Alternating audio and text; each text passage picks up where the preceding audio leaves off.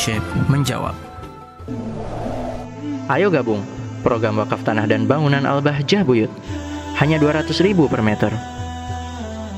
Assalamualaikum warahmatullahi wabarakatuh Waalaikumsalam warahmatullahi wabarakatuh.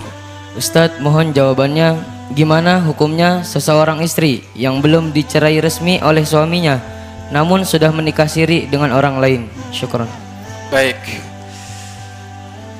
Siapa pun seorang istri yang dicerai oleh suaminya, maka akan jatuh perceraian. Walaupun belum diselesaikan surat-suratnya, tapi sudah jatuh cerai. Maka bagaimana jika istri tersebut sebelum terselesaikan surat-surat perceraiannya kok menikah lagi? Jika memang sudah melewati masa iddah, maka boleh. Tapi kalau belum melewati masa iddah, maka hukumnya haram zina. Masa iddah itu masa penantian. Apakah mungkin suami suaminya akan kembali lagi rujuk? Maka tidak boleh menikah kalau belum selesai masa iddah. Masa iddah seseorang perempuan yang ditinggal cerai, bukan cerai mati, cerai hidup, itu tiga kali sucian. Tiga kali sucian ya head suci satu.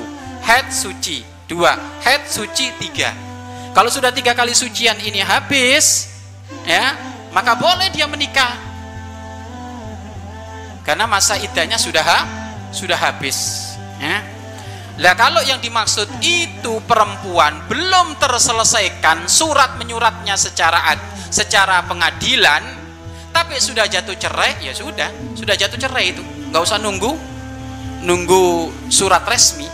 Surat resmi itu kan hanya legal di hadapan negara. Kalau di hadapan Allah itu sudah tercerai itu istri.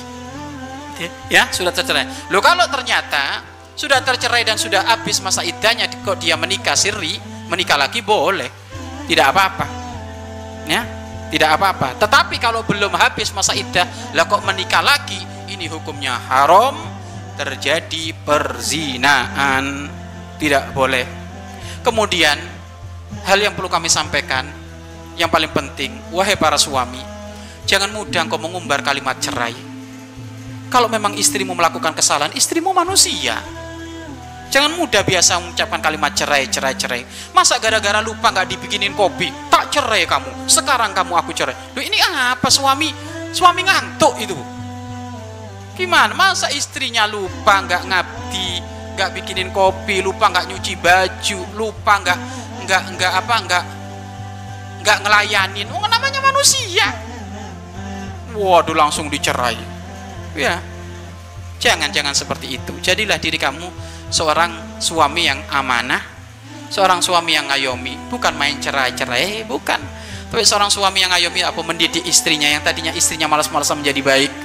Memang kalau istrinya nggak bisa diatur nggak bisa diatur pintu utamanya nggak ada cara lain kecuali cerai ya sudah cerai. Cerainya karena Allah karena susah dia diatur ya.